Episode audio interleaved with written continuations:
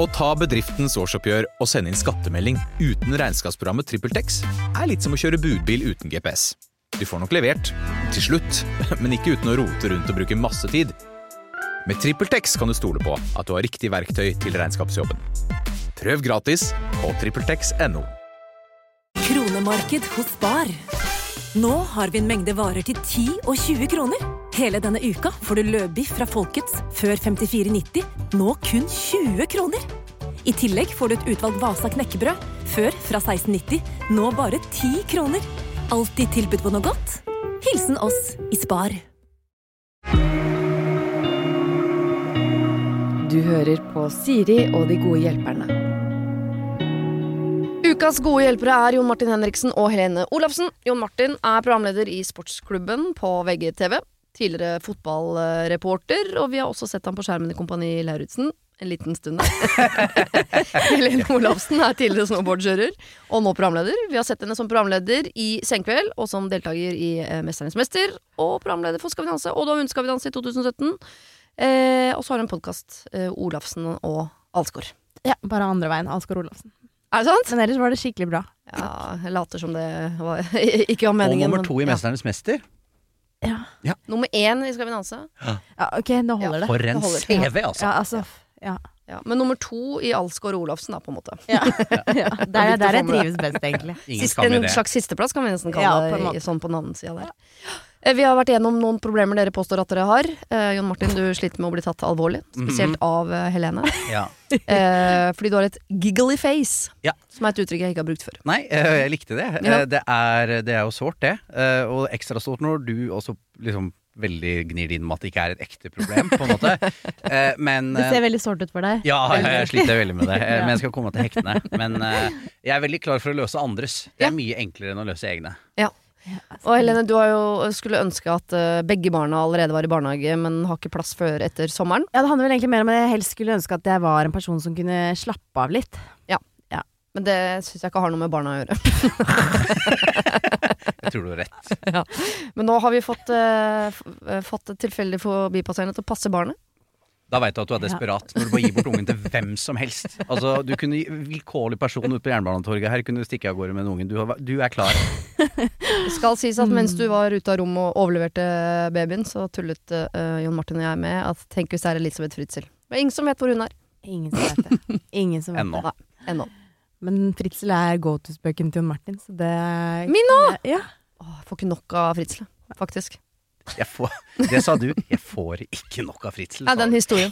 Ja, nei, nei, Hvorfor altså, lages det ikke Jeg vil se Nei. eh, åtte forskjellige true crimes av det. Bare bytt Ja. skuespillerne og samme manus. Jeg driter i det. Jeg vil se dem i mer av det. Jeg er litt enig. Og jeg respekterer den lille byen et eller annet sted i Østerrike eller hvor det er, som tar vare på den Fritzel-familien med Elisabeth Henk, og alle ungene. Men drit i det, da. Jeg vil se hvor de bor. Ja. Jeg vil se hvordan de bor. Jeg vil vite hva de heter, hva de spiser, hvor de jobber. Har de fått seg kjæreste? Jeg, jeg, jeg er enig. Kanskje det er Madeleine Er de pedofile selv? Nei, du. Har de kidnappet Madeleine McCann? Kanskje. Det har vært helt Tenk hvis de har en sånn Nei, ok, greit. Jeg skal ikke bli konspiratorisk. Nei. Ikke bli det. Oh, ok, vi går over på et uh, gans- Jeg begynner med et litt søtt problem, ja. Ja. Fra Fritzel til dette. Hvor skal det valpes? Hva? Det er problemet. Ja. Hei! Vi har et dilemma hjemme som vi ikke blir enige om, og vi har derfor bestemt oss for at det er dere som skal få ta avgjørelsen. Jeg og min samboer har en hund som kommer fra hans mor sin kennel. La oss kalle hunden Laika. Det er gøy at jeg anonymiserer hunden, Ja. i tilfelle Laika hører på. Ja. En del av avtalen da han overtok Laika, var at det skulle settes valper på henne som skal selges når hun blir gammel nok. Nå har vi gjort dette, og det nærmer seg at valpene kommer. Derfor har vi havnet i en diskusjon om vi skal la henne få valper her hjemme hos oss, og da må vi ta ansvar for fødsel og nyfødte små knøtt. Eller om vi skal levere hunden til svigermor, og så hente henne igjen etter ca. fire uker, når valpene kan klare seg uten mor. Fire uker bare, det hørtes deilig ut, Helene. Hei, det er barnehage før Ja, nei, altså, øh, valper klarer seg sjøl etter fire uker. Sånn er det å være bikkje. Jeg mener vi klarer helt fint å ta imot de valpene, og ønsker ikke å være uten Laika så lenge. I tillegg til at jeg mener det blir mer ubehagelig og stressende for hunden vår å ikke være hjemme i denne perioden. Samboeren min vil absolutt ikke ta ansvaret for å ta imot valper, og er veldig stressa for at noe skal gå galt, og at han da får skylden for det. Forholdet mellom mor og sønn er ikke det beste utgangspunktet. Vi er borte på dagtid, men kan ha hjemmekontor om valpene kommer i løpet av uka, så da er det opp til dere, da. Skal vi ta vare på Laika og valpene hennes, eller levere dem fra oss eh, til fødselen? Det sto ikke noe om at svigermor var sånn hundeekspert, eller er hun det? Hun driver en kennel, så jeg håper hun kan et eller annet. kunne Ja, jeg må bare si, altså Det føles jo litt som sånn eh, Å være på sykehus etter man er født, Mm. er jo veldig deilig. Ja, veldig deilig å komme hjem òg. Ja da, det er det. Ja. De første par dagene der, mener du? De, ja. Ja, De er gode, syns jeg. Så nå har vi havnet inn i en ufrivillig sånn ABC-klinikkdiskusjon, egentlig. Ja, ja, ja. Ja, ok, da skal jeg passe meg litt. Men, men eh, jeg var på hytta eh, nå i helgen, eh, og der hadde hyttenaboen fått valper. Ja. Eh, ti i tallet. Oh. Eh, og det var mange. Eh, det var veldig mange. Ja. Eh, så, så klart, hvis de ikke er på jobb, eller hvis ikke de er hjemme på dagtid og kan gi full oppmerksomhet, Mm. så jeg, tror jeg dette kan bli veldig slitsomt for dem hjemme. Ja. Er min Ja, umiddelbare For det virker som de tenker at de må ta hjemmekontor den dagen Laika føder, og så er det bare sånn snakkes, Nei, vi drar på jobb. Du, du må være hjemme de ukene. Ja, du kan ikke stikke og være borte i ni timer da, liksom. nei, nei, nei. nei. nei enig. Uh, Sto ikke noe om hvor langt unna det var, eller? Nei, eh, altså selve kennelen? Ja. Nei, dessverre. Det er litt synd, for jeg, der også ser jeg for meg en slags kombo, ja. Ja. Ja, eh, delt omsorg. Uh, tidlig med sånn 50-50-løsning. Men uh, jeg tror de kommer til å angre hvis de har alle disse valpene hjemme. Jeg tror, Tror det er, jeg tror det er et slit, altså. Men tror du ikke det er litt koselig sånn Husker du den tida vi hadde tolv unge valper? Ja, ja? De det er løp rundt Ja, og men jeg, jeg, Pelle og Flekken og så er det noe deilig å komme liksom, etter noen uker da få ferdig produkt. For det er som Ja. du sier, at etter fire uker så klarer jo valper seg i større grad sjøl. ja. De, men de skal ikke ha valp, da, de får bare skal, mor hjem igjen. Ja, ja, Valpene skal selges ja. til. Dette er, Ja, dette det er sant er det. business. Ja, det er business. Ja. Og det er Ja, for det settes valper på, ja. Ja. Det er ikke så sexy. Dette er Nei, Nei, dette er ikke noe kjærlighetsgreier. Nei, de er rene salgsobjekt. Ja. uh... Men tenk, altså, har du sett en valp noen gang? det er søte. Vil du ikke ha ti av de hjemme? Jo, man vil jo det. En time Eller? tror jeg du vil ha ti sånne hjemme. Ja. For I i meg så det fins ikke en promille med forståelse av at man vil sende bort en fødende hund. For det første sånn, Man blir så glad i hunden at når hunden skal oppleve å bli mor, så vil man jo ha den hjemme. Og man vil ha alle de små produktene som hvelver rundt, og der åpna de øya, og nå kan de gå. Altså, det er jo hele eh, barn Det er jo egne barn, bare mye søtere. Ja. og på kortere tid. Jeg kan ingenting om hund, men jeg også ser for meg at det er en veldig sånn fin ting å være Ja. med på. Og de har jo De kan vel ha mor på telefon hele tiden hvis de lurer på noe. Jeg tenker sånn Jeg vet ikke hvor langt unna den kennelen er, men hun kan vel komme inn til fødsel. Ja. Være der under. For jeg skjønner at fødinga er litt sånn Selv om det skal jo gå av seg sjøl, de greiene der. En liten sånn doula. Ja, at hun kan være doula. Ja. Hundedoula. ja. Men samtidig, men, er det samtidig greit å bare rive av plassen? Nå tenker jeg på det følelsesmessige ved at du blir så knytta til de valpene. Ja, det er sant. At det kanskje er litt greit å rive av plasteret med en gang. Eh, Jeg er jo jeg er så allergisk mot hund at eh, for meg er dette sånn at eh, jeg, jeg skal ikke ha noen valper eh, i, i mitt hjem. Så jeg tenker umiddelbart tanken meg bort! er liksom Fød et annet sted. Men da hadde jo ikke du hatt Laika hos deg heller. Det hadde jeg aldri hatt. Du, Eh, hadde vært veldig synd hvis du var sønn av en hundekennel. ja. Så Tenk deg hvis hunden Fæl på hundekennelen. Det er jo ikke rart uh, det er dårlig forhold mellom mor og sønn her, hvis sønnen er allergisk mot hund. Nei. uh, så uh, Nei, jeg tror det blir et slit for dem, altså. Ja. Men la oss, ok, en ting er at valper er søte, det er slitsomt. Kanskje koselig. La-la. Eh, forholdet mellom mor og sønn er ikke det beste utgangspunktet, er en setning her som virker som du liksom bare vil at vi skal omtrent bare gå videre fra. Ja, det er Men det er jo derfor sønnen tenker at han er Det er jo derfor han er livredd for å gjøre noe feil. Ja, For tenk hvis en av valpene dør, som jo ofte skjer, tror jeg. ja. Hvis du føder ti, så mister du én. Oh, ja. Jeg tror det er litt sånn. Jeg vil i hvert fall ikke bite meg ut på sånn hundefødsel uten å vite hva jeg driver med. Det vil jeg ikke. Nei. Men det må du gå an å sette seg inn i. Alt, alt fins på YouTube. ja. Ah, men, Men jeg- hvis det hadde vært barn, jeg, hvis ja. det hadde vært bar, ditt eget barn Ja. Nei, Ta ikke YouTube-kurs på det. Nei, det kan du ikke sammenligne med. Du, nei, det kan Nei, du Nei, det det- går jeg ikke med på, altså. Både dyr og mennesker. Jeg bare sier at det er, det er rart å YouTube seg til en fødsel. Ja, men eh, det er som Siri sier, at med, med hunder så går det jo litt mer av seg selv ja. enn at eh, du, du har ikke jordmor på samme måte, liksom, Nei, når uh, hun skal føde. Jeg vet ikke, jeg vet, kan ikke noe om det. Men det går vel an, om kennelen er langt unna, så går det vel an å opprette en eller annen kontakt med veterinær i området. Sånn at sånn, vi venter valper. Eh, og det er jo døgnåpne veterinærer, sånn at hvis det er noe der som setter seg fast eller går gærent underveis, så må det være noe man kan ringe Ja. eh, og i hvert fall få noe hjelp via telefon. Og sånn, da må du inn med venstrehånda, snu rundt 360 grader, Det er helt med sikkert sånn videoting. Eh, Det har de fått på sykehusene. nå. At hvis du ringer 113, så har de sånn Trykk linken, og så er det video, Ja, ja, ja. vi, eh, video live. Ja. Og det har de sikkert på veterinærstedet også. Sikkert. Jeg, jeg syns Som et alternativ til ABC-klinikken. Ja, jeg syns det er tryggest at, uh, at disse valpene skal fødes hos svigermor. Mhm. Og så hadde jeg planlagt en utflukt dit. Hvor man tar noen dager eh, Nå vet jo ikke vi helt forholdet da her, siden eh, det snakkes om det, hvordan relasjonen er. Eh, om man i hvert fall eh, drar dit noen dager, bor et annet sted eventuelt, om, vi, om ikke alt er helt på stell, og får tilbrakt tid med de valpene. Og setter pris på å bli litt kjent med de, og så drar man hjem og tenker at i morgen kan jeg gå på jobb uten å være bekymra for hvordan det går med disse valpene. Som en slags bestemor, da. Ja, Ja. for de skal jo uansett ikke være eh, foreldre, som jeg sier i Gåstein, til disse eh, valpene på sikt. Nei. De skal bort. Så da får de litt av det, men ikke alt, og det tror jeg er riktig. Ja, og hvis de uansett må drive og ha hjemmekontor, så tror jeg det er mer optimalt for hunden å være hos svigermor. Ja, Og du prøver å være litt hjemme nå i en slags mammaperm med Akkurat ja, det. og, så, og så får du ti, da. Ti Ja. valper. Det, det går, Nei, det går ikke det. Du kan ikke være med i Teams-møter da. Nei, det går ikke det. Det blir slitsomme Tenk Teams-møter. deg det bråket i bakgrunnen. Men setter de inn i følelseslivet til Laika, da, som da øh, hun er gravid, skal føde, er redd, aldri gjort det før, og som hun sendt bort til et sted som minner om et fengsel med masse andre hunder som står og gauler og uler og lukter rart. Ja, men jeg synes det er mye verre at de skal ta fra henne valpene. Ja. Ja, det, det tipper jeg Laika kommer til å synes er digg, inntil det er bare to igjen. Da vil hun beholde. Det er ganske vanlig. Å, ja. Første åtte er bare sånn Herregud, Ta det, du kan orker ikke mye mer. om eh, Ja, men naboen min hadde valper. valper da jeg var liten. Hun elska når de første åtte forsvant. På de to siste så beit hun alle som kom bort. Mm. Ja.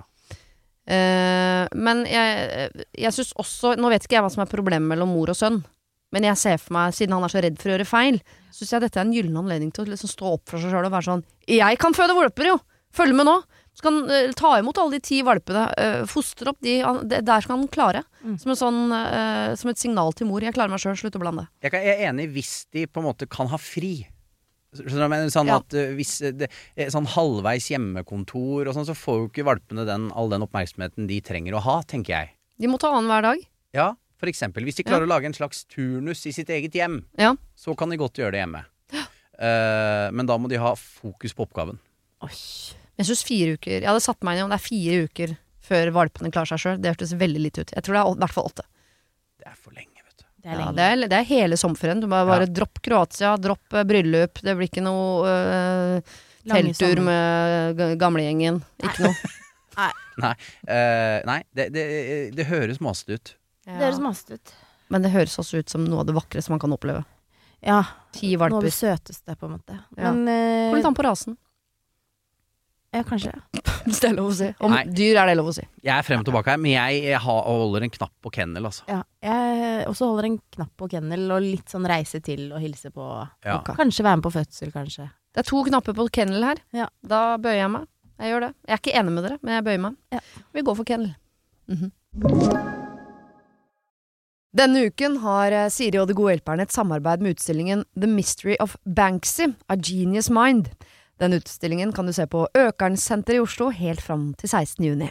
Til eh, tross for at Banksy er verdens mest kjente gatekunstner, så er han samtidig også helt anonym. Det er ingen som vet hvem han er, og en av grunnene til det er at han er etterlyst for vandalisme. Kunsten hans er ikke på utstillingen, det er altså 200 reproduksjoner utført av andre gatekunstnere du kan se på Økernsenteret. Og siden han er så anonym og utilgjengelig, så er det også umulig å få en godkjenning av utstillingen av Banksy selv, men folka rundt Banksy, som kaller seg Pest Control, de gjør kontroller og sier ifra hvis det ikke er godkjent. Og det har de ikke gjort her, og utstillingen er derfor å anse som godkjent. Og jeg tenker at eh, Banksy høres ut som en litt sånn eh, kul fyr, selv om jeg vet jo ikke hvem han er. Jeg bare ser hva han skaper. Eh, og jeg merker at jeg, liksom blir, jeg blir nysgjerrig på han. Jeg husker en eh, tidligere sjef jeg hadde, eh, fortalte meg at Siri, eh, de som hører på deg på radio, de må enten ha lyst til å bli sammen med deg, eller så må de ha lyst til å være vennen din, eller i hvert fall gå på fest sammen med deg. Da lytter de. Jeg vet ikke om jeg har så veldig lyst til å bli kjæreste med Banksy, vanskelig å si, men det hadde definitivt vært veldig gøy å gå på fest med han eller ha han som venn, bare for å høre litt mer om hva som bor inni det kunstneriske hodet hans. Kjøp billetter til utstillingen på mystery-banksy.no. Her kan du også lese mer om utstillingen. Bruk kodeordet Siri, velg tidsbestemte billetter på hjemmesiden, og få billetter til kun 250 kroner. Koden gjelder til og med 31. mars. Det er en deilig følelse når noen tenker på deg. Men det er ganske deilig når noen tenker for deg også. Når du velger kolonihagen, kan du være trygg på at noen har tenkt for deg. Dyrevelferd og ansvar er hensyntatt, og du kan bare nyte den gode smaken. Derfor har vi i Rema 1000 et stort utvalg av økologiske kvalitetsprodukter fra kolonihagen til en lav pris. Rema 1000. Det er sluttsummen på valgene vi tar, som teller. Har du et problem og trenger hjelp, ja, så sender du det til meg. Da bruker du Siri, alfakrøll, radionorge.no. Vi skal over til en tiltaksløs venninne. De er det jo mange av. Her er- dreier det seg om en studievenninne. Mm. Jeg er student, og som følge av dette jobber jeg sammen i grupper i ulike emner man har på studiet. I år måtte vi velge grupper i emnet hvor det var fritt fram å velge gruppe selv, noe som leder meg over til problemet. Jeg kaller meg Anna, er veldig god venninne med to jenter på studiet. Kaller de Andrine og Rikke. Jeg og Andrine er veldig like på de fleste måter. Vi har det veldig gøy sammen, og er også interessert i å gjøre det bra på studiet.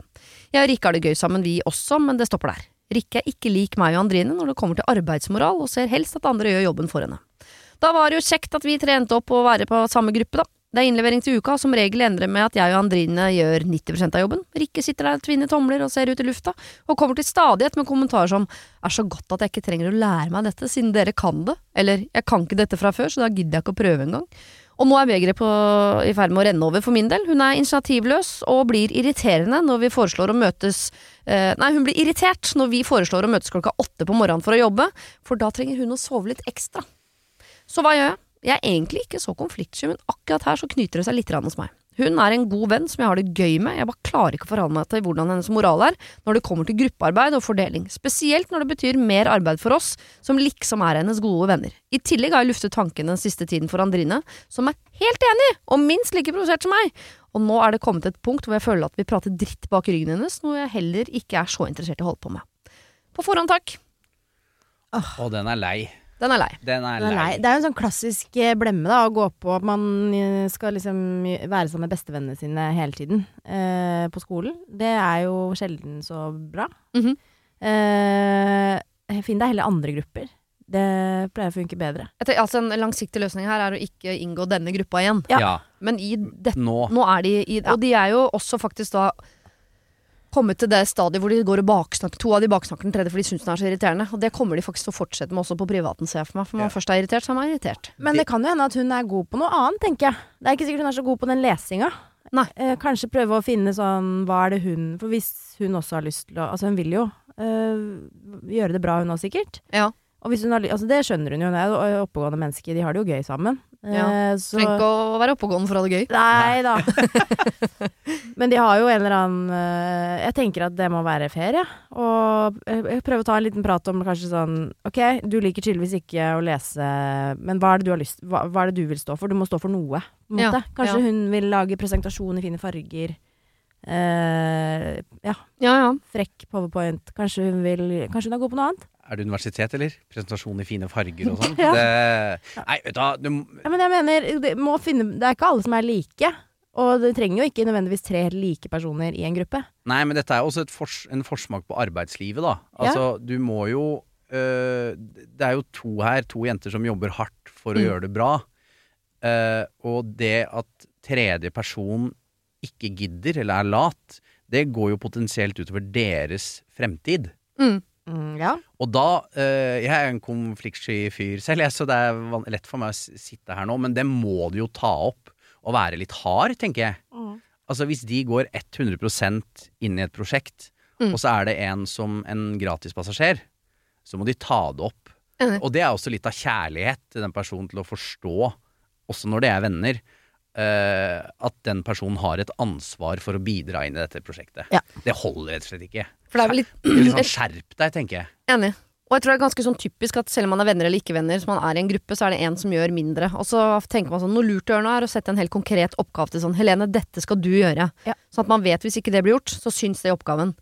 Men man leverer jo den oppgaven sammen, så da får jo alle litt dårligere karakter. Og jeg tror hvis du går til læreren med sånn, ja men det var Helene som skulle gjøre den delen, så kommer ikke. læreren til å si sånn En del av arbeidslivet er også at Ja. alle må sørge for at hele jobben blir gjort. Mm. Ikke sant? Dette lærte vi i Kompani Lauritzen. Hvis ikke han kan bære sekk, så må du gjøre det. Akkurat. Sånn er det bare, for alle skal Var det fram. der du Ja, det var der jeg lærte. Jeg har aldri skjønt hørt før. Nei, nei, Jeg bare. Hva faen? Ja, ja.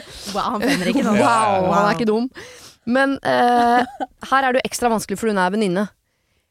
Ja, Men jeg tenker at de skylder henne å si fra fordi er Hun er i ferd med å ikke bli venninnen deres lenger, for Ja. nå syns hun er så irriterende at de driver og baksnakker henne. Så Ja. de, de redder jo vennskapet ved å si fra her. Ja, og Ja. det kan jo hende hun også ikke forstår det og ser det selv, ikke sant? At hun trenger å bli gjort oppmerksom på hvor lat hun er. Mm. Eh, Det er, ikke, det er ikke sikkert hun evner å på en måte se det fra utsiden, ikke sant? Så Ja, det er- kan hende at man kan si det jo på en litt ålreit måte si at eh, det føles utrolig urettferdig. Når de Mm. sitter og jobber eh, så mye, og så skal hun ikke bidra i det hele tatt. For jeg tipper fram til nå, når hun har kommet med set eh, setninger som 'er så godt at jeg ikke trenger å lære meg dette siden dere kan det', så har de vært sånn Ja. Ja. Og så har de baksnakket henne etterpå. Hvordan faen skal hun vite at det er irriterende, hvis dere ler i skjegget når hun sier det, og venter med å si hva dere egentlig mener til etter hun har gått? Ja, hun må få muligheten.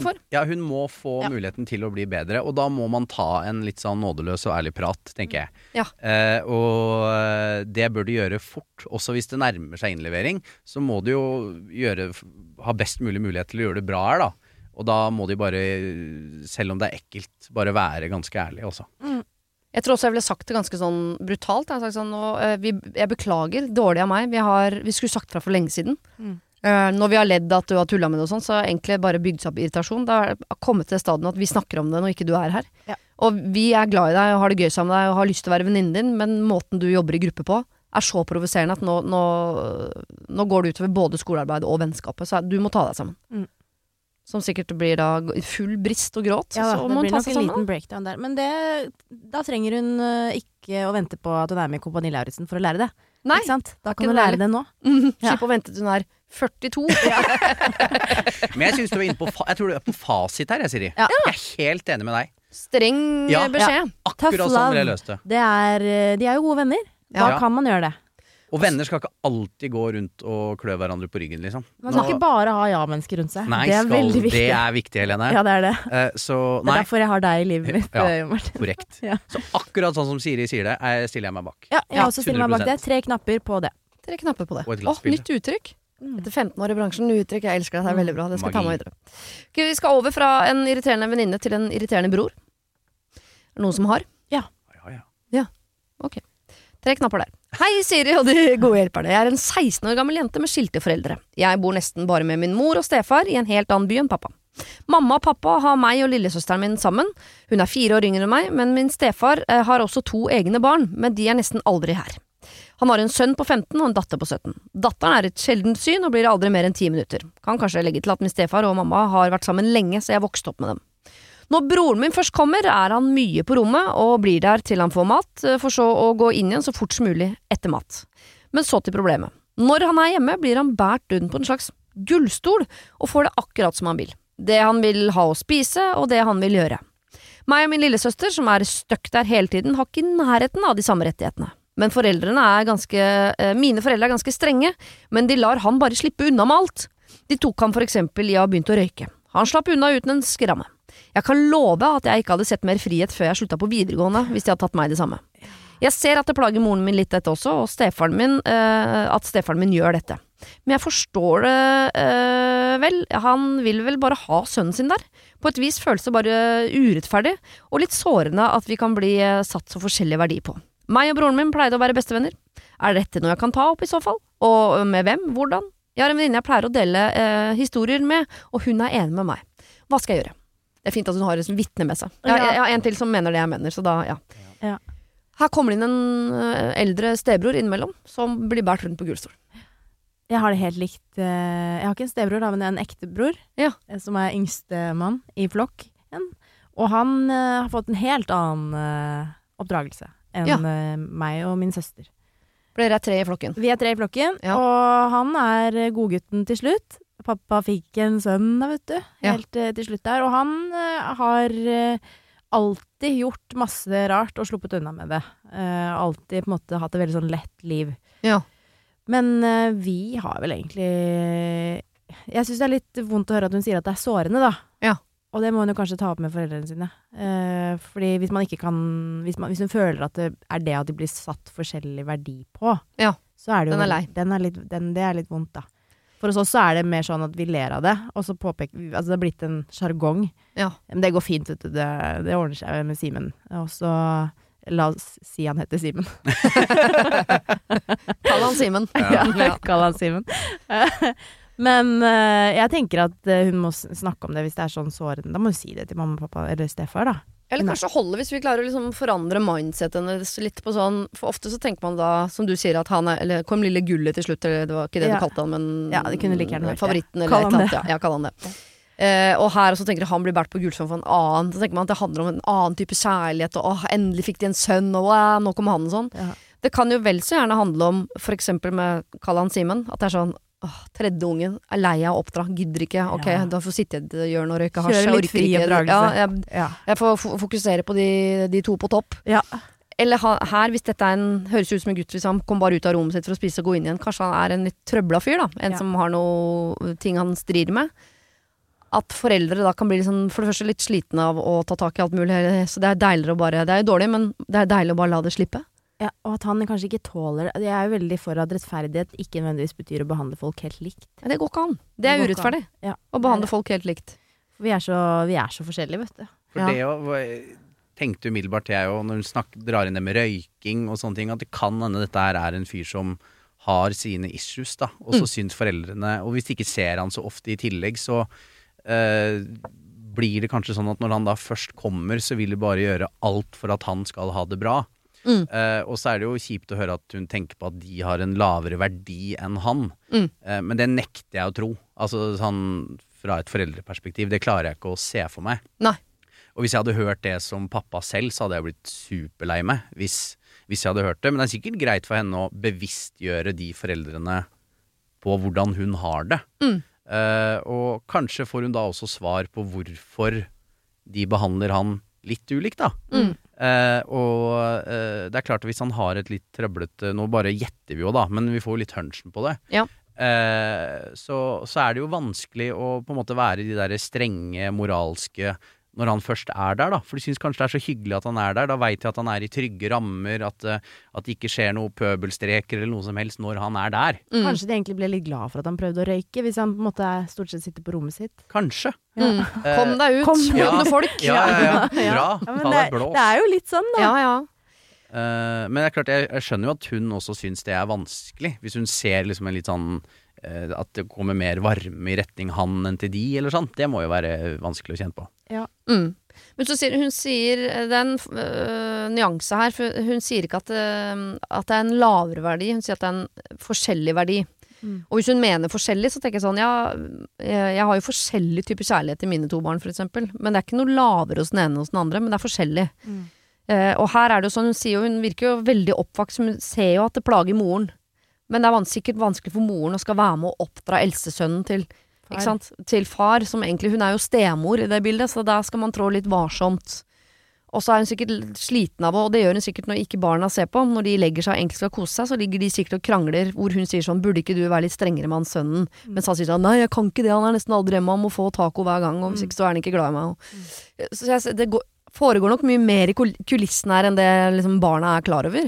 Ja, og så kan det hende hun også Hun virker som en veldig selvstendig, oppegående jente som sender inn dette her, da. Mm. Og der kan det hende at hun klarer seg i større grad selv. Ja. Og da er det også enklere for foreldre å la henne eh, Ja, da trenger du ikke å korrigere så mye, ikke sant? Og da er det en eh, enklere eh, foreldrejobb. Mm. Eh, og at han kanskje krever mer oppmerksomhet da, og, og har behov for mer sånn eh, ja, kjærlighet når han er hjemme. Eh, Ja. Så det er jo en, den evige bo Jeg kommer jo fra en bonusfamilie selv, eh, med dine og mine, og der var vi bare sånn at vi kaller alle for det samme. Altså alle er brødre, søstre, mor, far. Altså, vi, Alle heter ikke Jon Martin. alle heter ikke Jon Martin, det hadde vært, for det er nesten ingen som heter, så jeg skulle ønske at det var flere av oss. Eh, så eh, Martin Jon og Jon Martin. Ja, ja, ja. Ja. Eh, så det kan være vanskelig, men det kan også gå veldig bra. Men jeg tror det er viktig da at man prater om ting. Ja, Eh, og jeg vil bare si som uh, mamma, så er det ingenting mødre liker bedre enn hvis du hadde kommet til mammaen din og med dette. Mm. Uh, for det, selv om du er Du virker som en, uh, som du sier, Martin, selvstendig jente. Mm. Men selvstendige jenter eh, har jo ofte litt vanskeligheter med å be om hjelp. Ja. Eh, og da, men det er lov, det, og det er veldig fint for Mm. mamma. Og sikkert også stepappa. Bare, for jeg pappa. tipper at de skjønner hva du mener når du sier dette. For Ja. dette er nok ikke noe de ikke er klar over. Eh, at de behandler barna forskjellig. Men jeg tror det handler mer om at De er litt slitne antageligvis av å korrigere han, så de orker ikke. Men deg må de kanskje ikke korrigere så mye, så når du først legger en møkkete sokk utafor skittenhuskurven, så, så gidder de å ta tak i det, for det er, det er så smått, de tingene de skal korrigere. Men hvis de skal begynne med det på han, eh, så blir det så mye. Da får han kjeft hele tida. Nettopp. Og da kan en, også hun får en annen forståelse av hvorfor ting er som de er. Ja. Som hun ikke ser, eller ikke vet. Mm. så ta en prat med begge to, tenker jeg. Mm. Både mamma og stepappa. Ja, Ja. gjør det. Så kan det hende hun sier at eh, de, hun er veldig god venn med broren sin. At de også kan snakke om det, sånn at de kanskje kan komme dit hvor du, Helene og Kallan Simen er. At dere kan le litt av yngstemann som blir behandla annerledes. Ja. Hvis man kan klare å snu til sånn ja, vi blir behandla forskjellig, men det er kanskje ikke så rart, fordi du, du Pappa og så kommer videre og har henter deg, vet du. Ja, ja, ja. At man kan få en sånn sjargong på det. Ja. Og bare få bort den derre eh, De er mer glad i han fordi han får det mer som han vil. Det, det er vi helt sikre på at sånn er det ikke. Sånn Nei, det nekter vi å tro. Denne uken har eh, Siri og De gode hjelperne et samarbeid med utstillingen The Mystery of Banksy, A Genius Mind. Den utstillingen kan du se på Økernsenteret i Oslo helt fram til 16. juni. Til eh, tross for at Banksy er verdens mest kjente gatekunstner, så er han samtidig også helt anonym. Det er ingen som vet hvem han er, og en av grunnene til det er at han er etterlyst for vandalisme. Kunsten hans er ikke på utstillingen, det er altså 200 reproduksjoner utført av andre gatekunstnere du kan se på Økernsenteret. Og siden han er så anonym og utilgjengelig, så er det også umulig å få en godkjenning av utstillingen av Banksy selv, men folka rundt Banksy, som kaller seg Pest Control, de gjør kontroller og sier ifra hvis det ikke er godkjent. Og det har de ikke gjort her, og utstillingen er derfor å anse som godkjent. Og jeg tenker at eh, Banksy høres ut som en litt sånn eh, kul fyr, selv om jeg vet jo ikke hvem han er. Jeg bare ser hva han skaper. Eh, og jeg merker at jeg, liksom blir, jeg blir nysgjerrig på han. Jeg husker en eh, tidligere sjef jeg hadde, eh, fortalte meg at Siri, eh, de som hører på deg på radio, de må enten ha lyst til å bli sammen med deg, eller så må de ha lyst til å være vennen din, eller i hvert fall gå på fest sammen med deg. Da lytter de.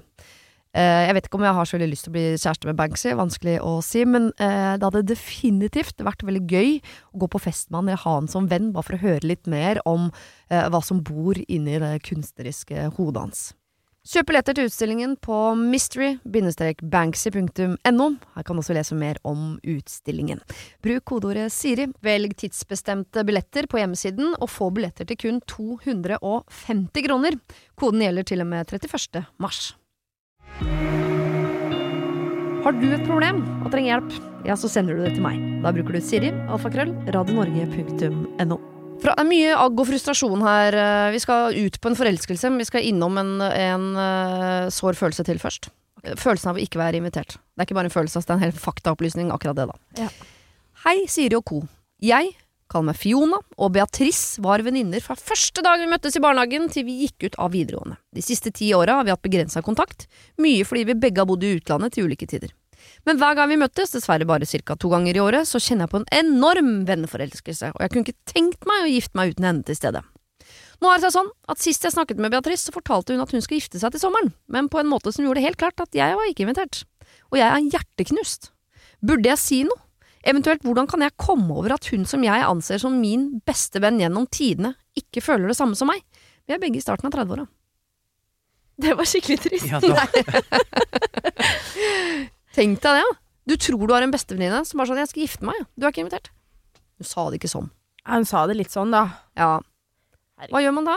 Å, Kan man- den er fæl og vanskelig. Burde jeg si noe? spør hun. Det, ja, det hadde jeg aldri turt å gjøre, men jeg gjemmer meg ikke eh, Kanskje man burde det?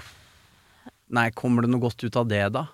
Nei, for hun har på en måte tatt det valget, da. Ja, nå veit vi jo ingenting om Folk gifter seg jo på mange ulike måter, da. Eh, det er klart at hvis hun har truffet henne, og så blir hun fortalt i det vide og brede om dette store, prangende bryllupet med 150-200 gjester, så er det jo nådeløst. Ja. Ja. Eh, Men hvis vi skal ha en liten seremoni på rådhuset Ja, hvis vi skal på rådhuset og gå ut og spise middag etterpå, så er, med en svigers, så, så er det jo et annen ballgame igjen. Ja. Eh, men det er klart, hvis du ser på henne som en av dine aller nærmeste, og du ikke er invitert, så må jo det gjøre veldig vondt. Ja. Det kunne fort skjedd med meg, tror jeg. For jeg har mange sånne Jeg har jo reist mye selv, Mm. eh, så jeg har jo også sett vennene mine sånn én til to ganger i året. Men Ja. fortsatt så er jo det mine nærmeste, for de er jo mine eneste, på en måte. Ja. Eh, mens de har jo mange andre venner og store kretser. ja. Og er sammen ikke to ganger i året, men to ganger i uka. Eh, Ja. Mm. Ja. ja. Eh, så eh, ja, jeg, jeg ser at det kan skje, på en måte. Men fordi- Men det er jo forferdelig, da. Jeg, bare, jeg, jeg er blitt veldig opptatt av en greie i det siste. eh, som, er, som er litt sånn typisk. For nå opplever jo da Fiona en eller annen avstand til Beatrice, som var, var overraskende for henne.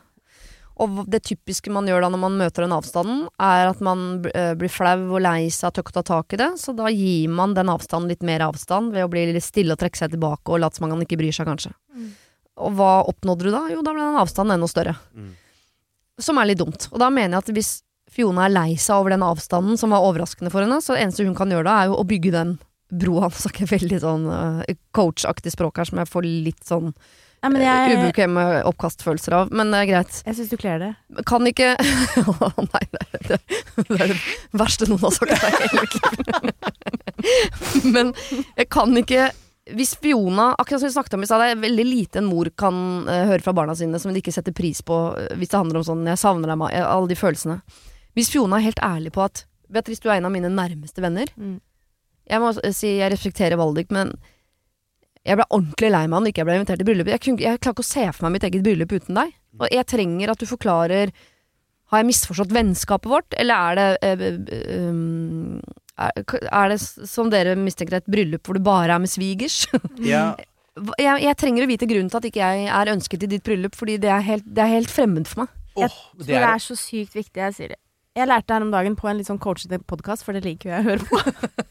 At alle, eh, han sa det på en sånn fin måte. Han er, de- driver med sånn eh, verdens største lykkestudie. Ja. Og så sa han det eh, at alle hendelser er i utgangspunktet nøytrale. Alt som skjer, er i utgangspunktet nøytralt. Det er det du legger til hendelsen som Jeg griner, jeg. Ja, Syns det var så trist, jeg. Ja. Jeg gråter ofte.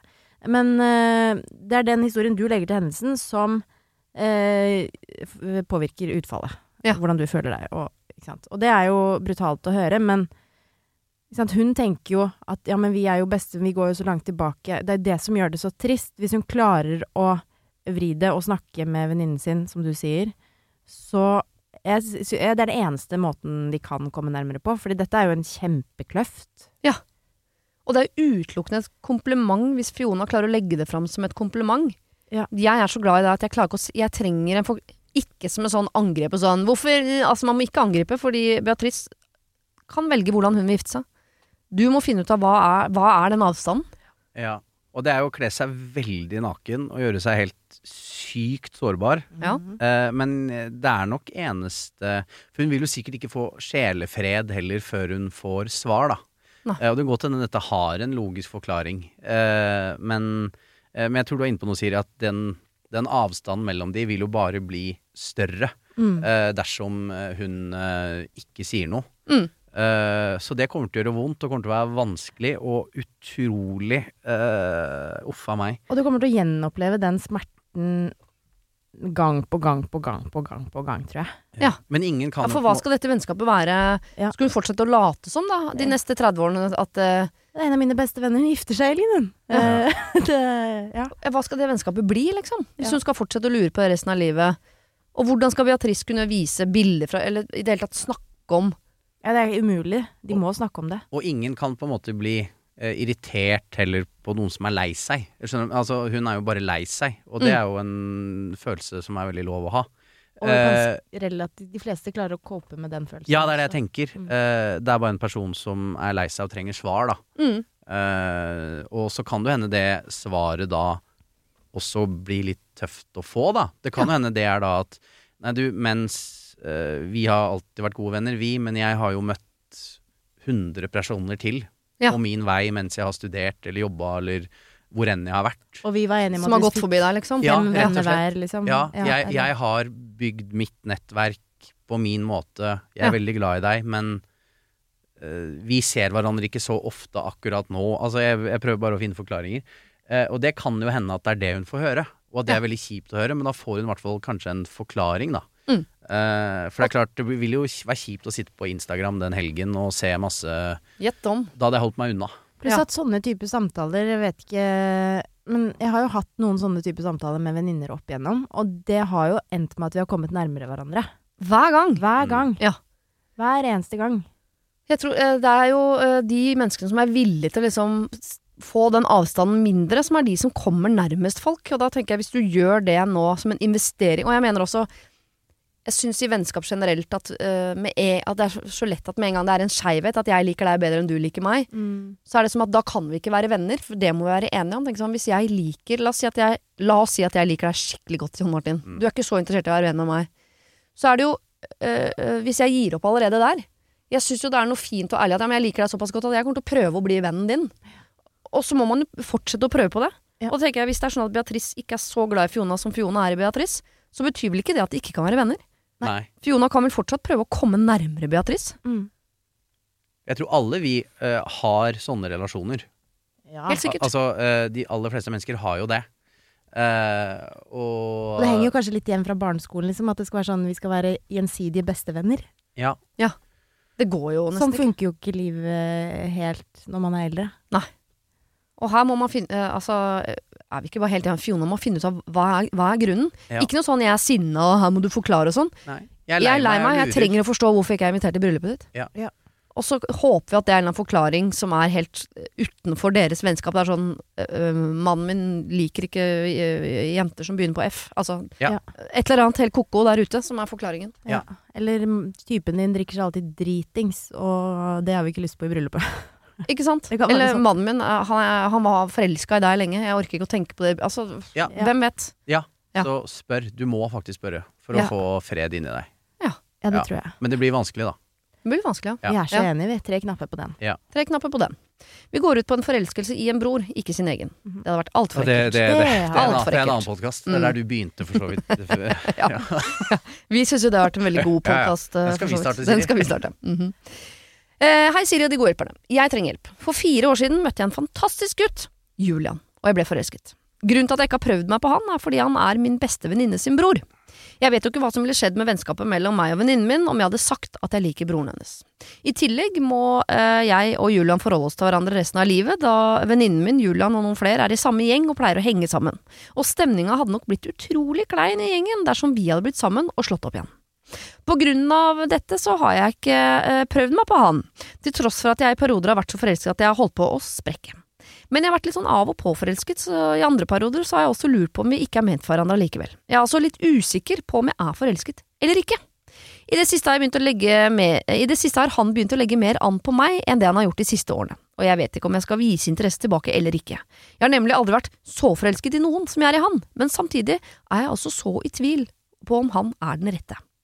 Grunnen til at jeg liker han. Jeg liker humor, han gjør meg glad, han er omsorgsfull på en måte andre gutter på vår alder ikke er, og vi har like interesser. Føler meg veldig hjemme hos han, han er snill, samtidig som han er morsom, gøy, jeg ler med han. Det har alltid vært noe i luften mellom oss, og noen i gjengen røpte for noen år siden at han liker meg også. Det syns jeg er informasjon som kunne vært høyere oppe i mailen. Bare sånn fra en norsklærer til en annen. Ja. Grunnen til at jeg er usikker på om vi er meant to be Jeg føler, på, øh, føler jeg på et annet sted i øh, meg selv i forhold til han. Jeg er på en måte 50 år på innsiden, mens han er 20. Det tror jeg er veldig kvinnemann. øh. Ja. Jeg har vært gjennom mange tøffe ting i livet mitt, med mye sykdom osv., og, så videre, og jeg har måttet jobbe mye innover i meg selv. Det har vært mye tanker, refleksjoner osv.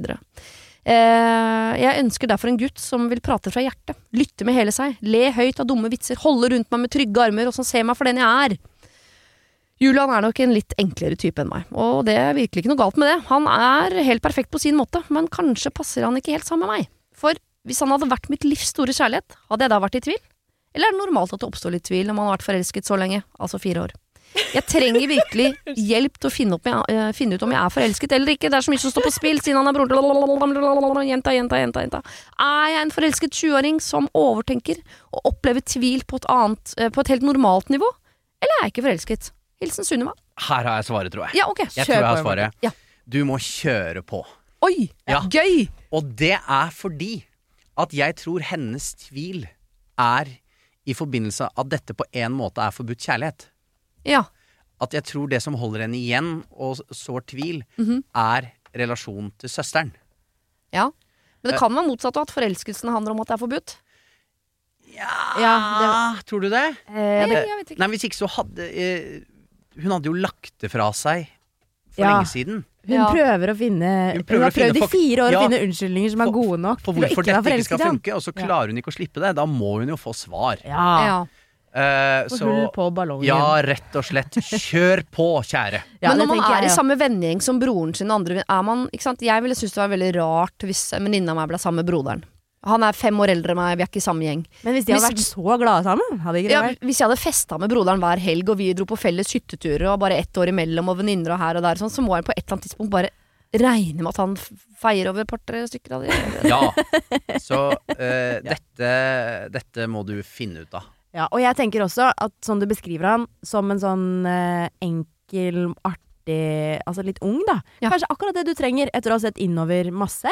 Enig. Så deilig å få litt sånn letthet i livet. Ja. Eh, kanskje ikke du trenger en samtalepartner på de dypeste tingene hele tiden. Kanskje du trenger å bare være litt lett. At livet føles lett og Ja. godt.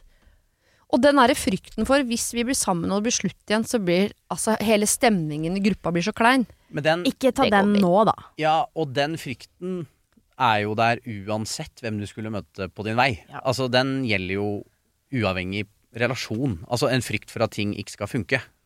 Ja, og hvis du får deg en kjæreste som er eh, fra en annen flokk, Ja. hvis du skal bruke spekkhoggerspråket, så eh, tar du han jo med inn i gjengen, og da blir det også kleint når det blir slutt. Kanskje Ja. vi har blitt glad i han.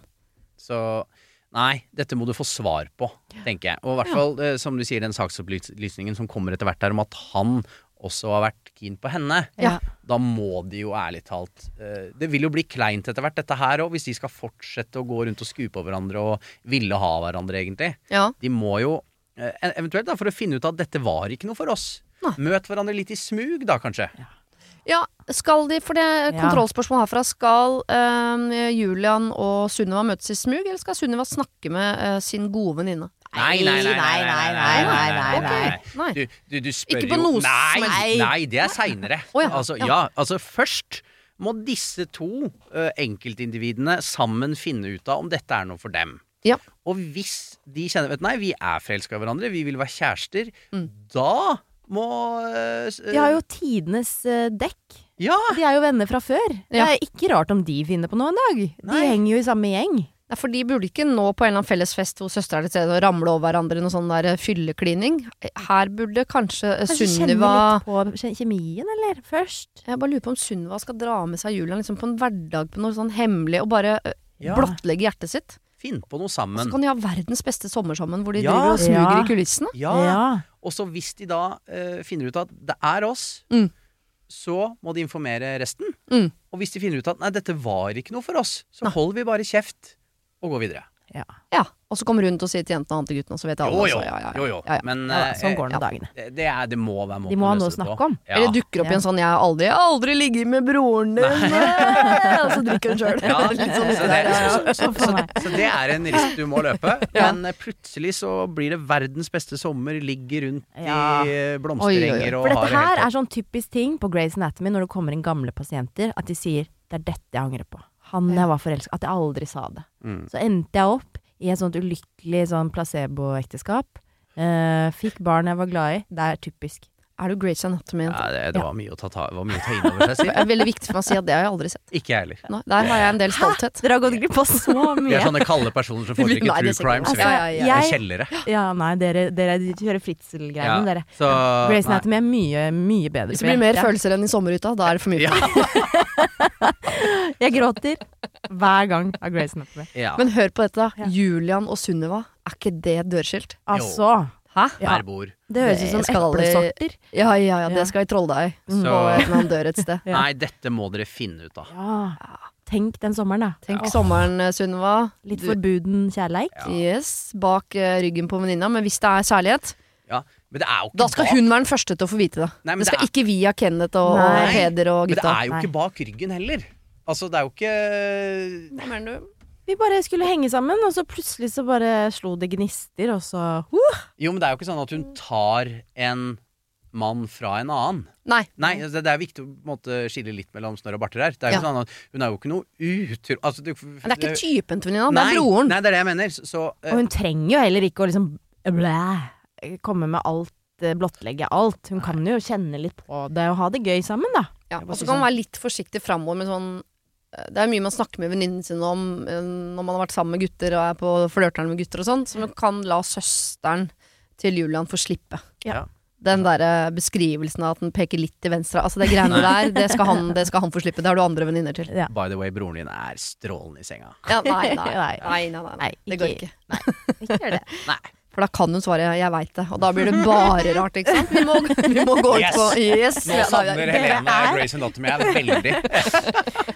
Ødelagt i hodene deres. Ja, ja, ja. Det stemmer. det stemmer Mhm. Ok, eh, Jon Martin og Helene har vært veldig hyggelig å ha dere her. Vi har delt ut eh, knapper i øst og vest, eh, og dere fikk jo ikke noe hjelp, dessverre, i forspillepisoden. Det beklager jeg. Men det var også fordi vi ikke hadde ekte problemer. Nei, dere har det altfor bra. Privilegerte rasshøl. Vi er, vi er, vet du hva, alt du sier er riktig. Men, men det var koselig å være her. Helt enig. Skikkelig koselig. Det var det. Husk å sende problem til siri.radionorge.no om du vil ha hjelp. Denne podkasten er produsert av Klynge for Podplay.